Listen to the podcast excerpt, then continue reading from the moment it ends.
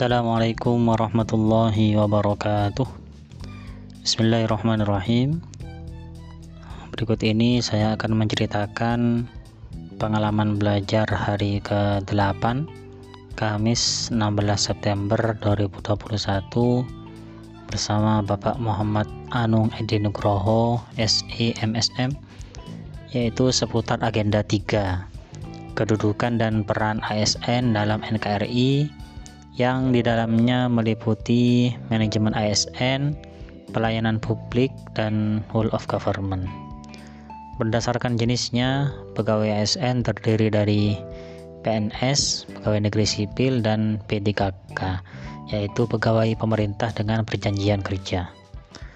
Pegawai ASN berkedudukan sebagai unsur aparatur negara yang menjalankan kebijakan yang ditetapkan oleh pimpinan instansi pemerintah serta harus bebas dari pengaruh dan intervensi semua golongan dan partai politik.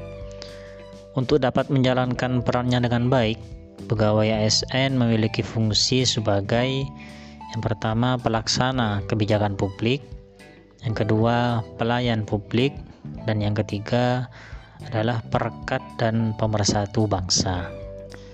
Dalam penyelenggaraan kebijakan dan manajemen ASN, dikenal adanya asas proporsionalitas yang mengutamakan keseimbangan antara hak dan kewajiban pegawai ASN.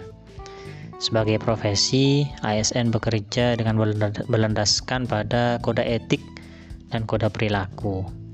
Kode etik dan kode perilaku ASN yang diatur dalam Undang-Undang ASN menjadi acuan bagi para ASN dalam penyelenggaraan birokrasi pemerintah dan bertujuan untuk menjaga martabat dan kehormatan ASN.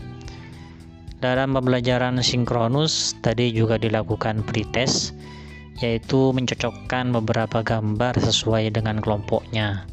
Tiga gambar masuk kategori manajemen ASN, tiga gambar kategori pelayanan publik, dan tiga gambar lainnya masuk dalam kategori World of Government.